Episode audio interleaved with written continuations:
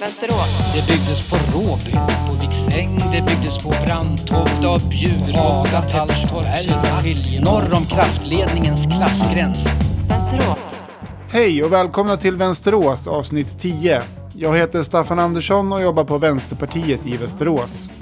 Det är den tiden på året när Västerås stad ska klubba en budget.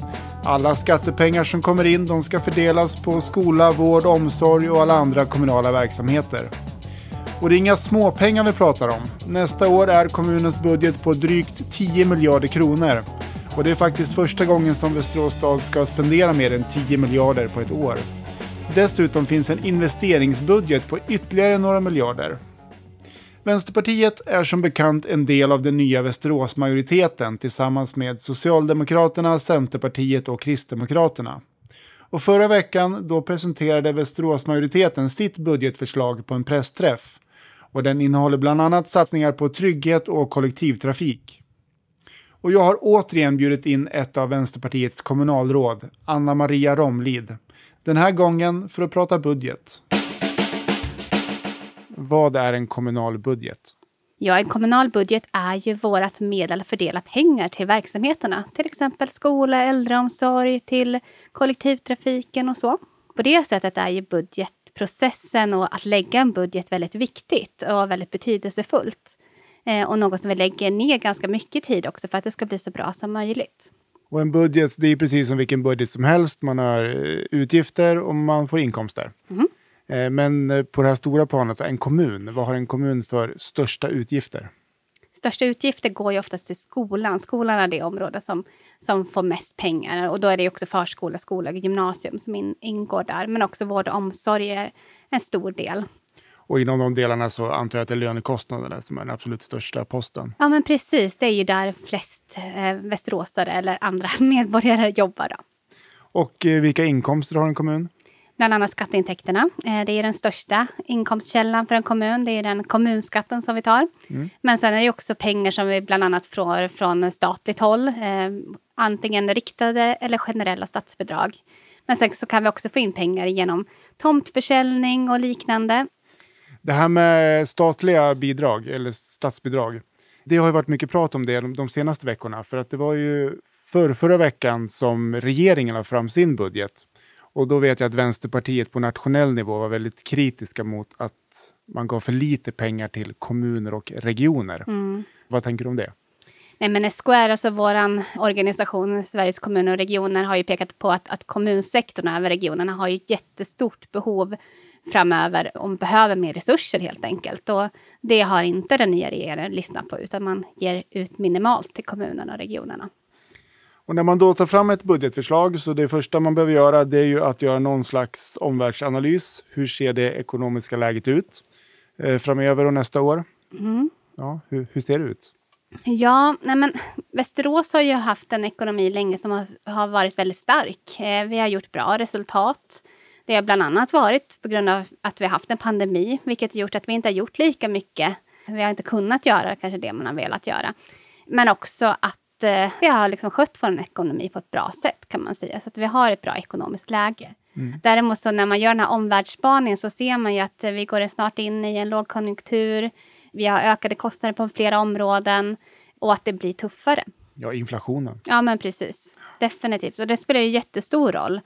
Och därför är det ju skönt att, att vi inte går in i den här um, budgeten med, med stora underskott, utan det är ju faktiskt så att eh, nämnderna idag gör ett överskott istället, eh, vilket gör att vi har bättre förutsättningar än många andra kommuner som har det riktigt tufft just nu. Speciellt för i år är de stora pensionskostnaderna, har Mm. jag förstått. Eh, varför är de höga i år? Det är ju ett nytt pensionsavtal som också är inflationssäkrat, vilket gör att vi behöver betala ungefär 200 miljoner kronor direkt ut nu då, i ökade pensionskostnader. Och det är ju såklart, det är ju bra. Det är ju, Västerås, det är ju människor som har jobbat för Västerås eh, som förtjänar en bra pension och att de får mer i plånboken, det är ju positivt. Men det, det är en utgift som äter upp väldigt stor del av reformutrymmet kan man säga. Eh, men samtidigt så är det ju också en, ja, men en riktig jämställdhetssatsning. En annan sånt där budgetord är ju det här med pris och lönekompensation. Det låter lite krångligt men det har lyfts upp mycket av tankesmedjan Balans. De har tittat och granskat kommunbudgetar och de har liksom identifierat just det här som särskilt viktigt när det gäller eh, neddragningar och besparingar i välfärden. Mm. Hur skulle du förklara det? Vad är pris och lönekompensation? Pr- eh, Priskompensationen det är ju egentligen för det som de olika verksamheterna köper in. Det kan ju allting vara från kontorsmaterial till allting i verksamheten som kostar, alltså mat och det andra är ju lönerna och det är ju utifrån lönerörelsen. Vilken, vilket snitt, hur mycket ska lönen, vad kommer man överens, eh, arbetsgivare och fack? Och det är väl det som just tankesmedjan Balans har tittat på, det här att om en nämnd får en viss summa ett år, vi säger en miljard, och sen hur mycket pengar ska de då få nästa år för att kunna ha samma verksamhet som man har haft? Då behöver man ju ha en miljard plus två eller tre procent eller beroende på hur mycket lönerna och priserna ökar. Och då är det många kommuner som gör så att man ger inte fullt ut de här två eller tre procenten, man kanske bara ger en procent. Och plötsligt så behöver ju då eh, nämnden ändå betala för de eh, högre Precis, lönerna. det, det blir en sån här dold besparing helt enkelt. Ja. Precis, de måste ändå betala för, Mm. för sina löner och sina prisökningar och då får de spara in på någonting annat. Man kanske inte tillsätter någon tjänst när de går i pension och så. Mm. Hur har det där sett ut i Västerås? Ja, men tidigare har man inte kompenserat helt fullt ut för pris och lön i Västerås. Och i den här budgeten som vi lägger nu så ger vi full pris och lönekompensation. Men jag tycker ändå vi ska vara ärliga med att, att man kan ju landa högre genom, genom på, på den fackliga nivån. Det, man, man strävar ju efter ett högre märke just nu så vi vet ju faktiskt inte hur högt det kommer att bli. Så att vi, utifrån de premisserna som vi vet idag så ger vi full pris och lön. Men det är såklart att det kan, kan ändras. Nej, men det är väl vilket generellt tänker när vi pratar om budget, att en budget är ju en gissning. Hur tror vi att det ser Ja. ut nästa år? Vilka utgifter och inkomster tror vi att vi kommer att ha? Det är den första budgeten eh, som Vänsterpartiet lägger som en del av en majoritet. Vad var Vänsterpartiets ingång? Men vår ingång det är ju att, att, att se till att välfärden får rätt resurser, att man får möjligheten att stärka skola, omsorgen, individ och familjenämnden. Men också se till att de här satsningarna på kollektivtrafiken kommer igång på en gång. Och berätta mer om de satsningarna. Ja, men eh, vi har ju bland annat fått igenom att vi ska få ett sommarlovskort för barn och unga, att de reser gratis under sommarlovet. Ett pensionärskort som är, eh, gäller för pensionärer och sjukpensionärer under vardagar mellan 10 till 15, så man kan åka, ha fria resor där. Men också att vi har fått igenom ett busskort för fria, eh, för fria resor för personer i daglig verksamhet. Som känns jätteviktigt, för de har ju oftast ganska låg eh, ersättning. Man har inte, har inte så mycket pengar i plånboken. Så att det är så att riktiga rättvisesatsningar kan man säga. Och tidigare i höst så kom det ytterligare ett busskort just för eh, flyktingar från Ukraina på massflyktsdirektivet och för asylsökande. Så det är också en grupp som snart, får vi säga, kan eh, resa gratis i Västerås. Mm, verkligen. Och de har ju också otroligt låg penning att leva på, så det känns ju riktigt bra. Och just kollektivtrafiken har ju varit en av Vänsterpartiets stora frågor. Är det det här vi får eller kommer det mer längre fram i mandatperioden? Ja, men det kommer ju mer längre fram i mandatperioden. Vi har ju bland annat sagt att först i resekortet ska återinföras igen så att vi får bra så här, rab- rabattkort för alla. Det är dyrt för alla att åka buss. Taxorna har höjts väldigt, väldigt mycket under förra mandatperioden. Och vi behöver liksom se över möjligheten att kunna trycka ner de priserna så att det ska bli billigare för alla att åka buss. Satsningar är roligast att prata om. Eh, vi fortsätter, förutom kollektivtrafiken. Vad mer?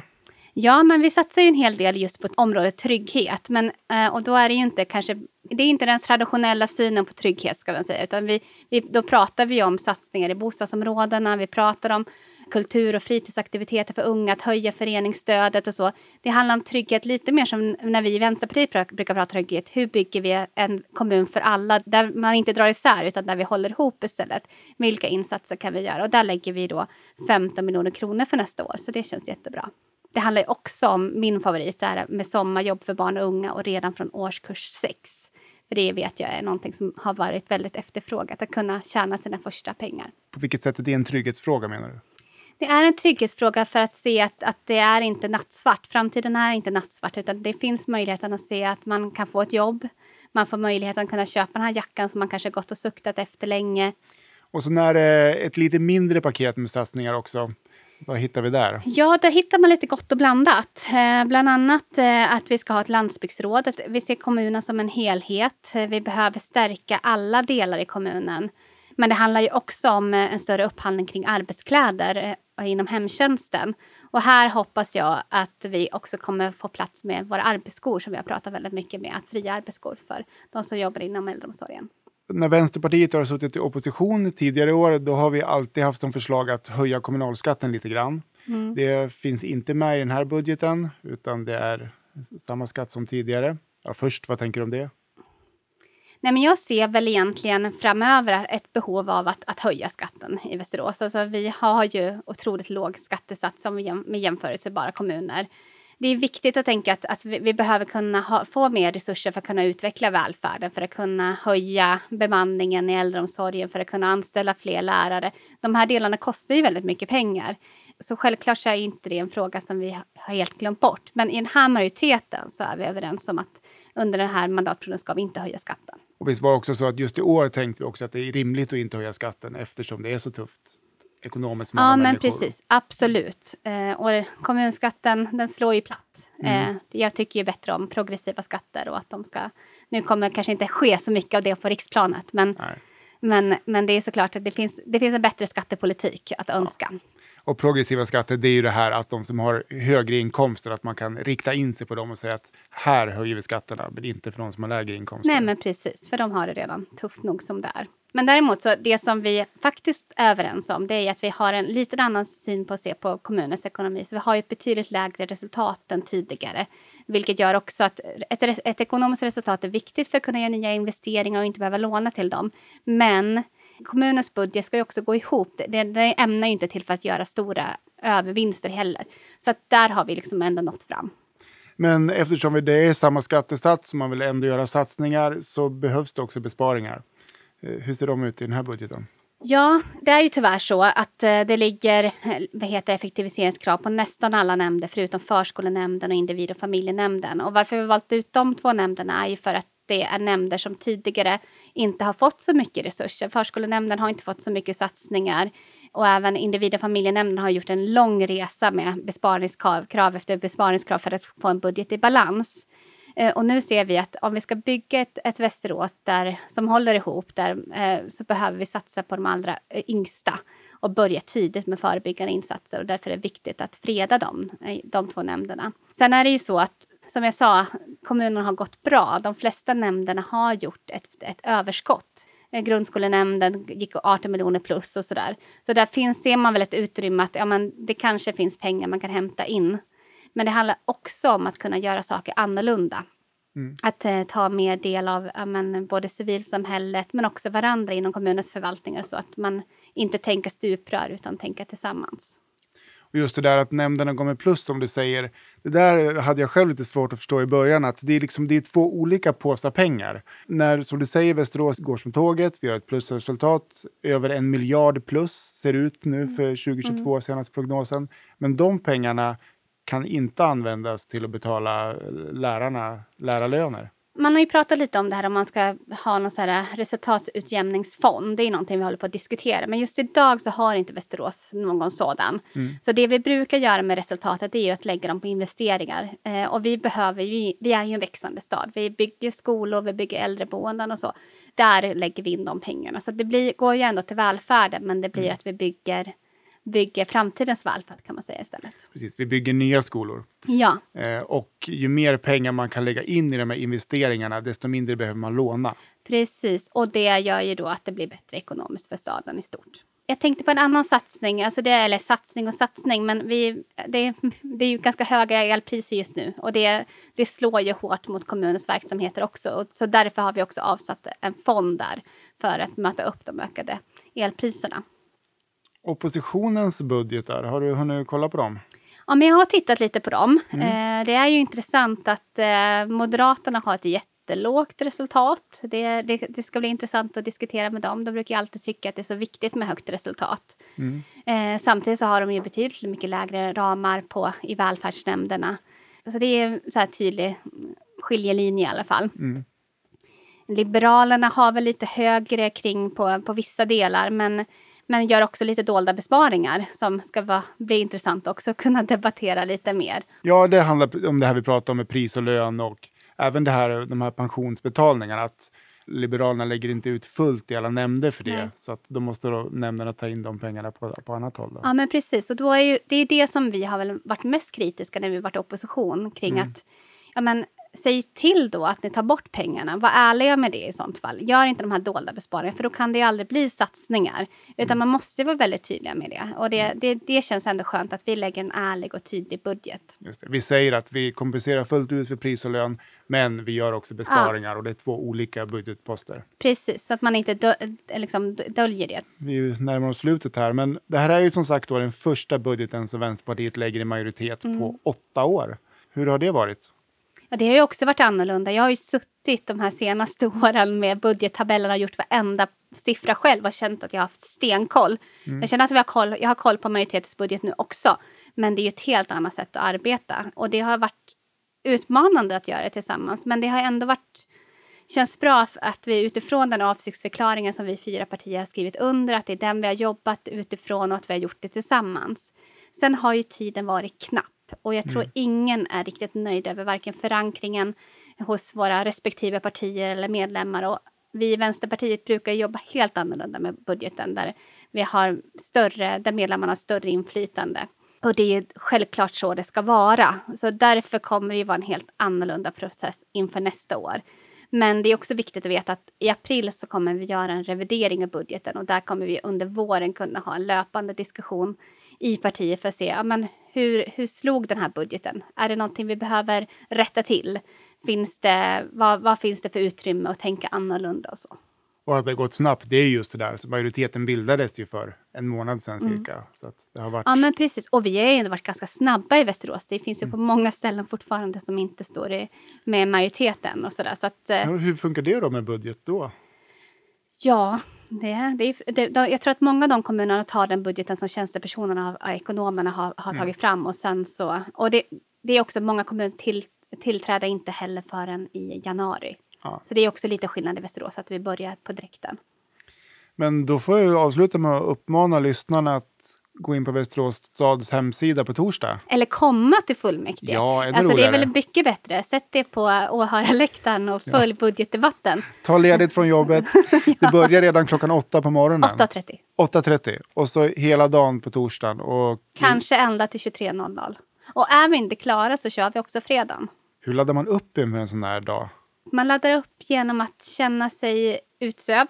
Mm. Eh, Man behöver sova innan, så ha energi. Men också vässat argumentet tillsammans. Ja, men det låter som att du ser fram emot torsdagen ändå då. Ja, men det ska bli kul. Mm. Det är kul med budget.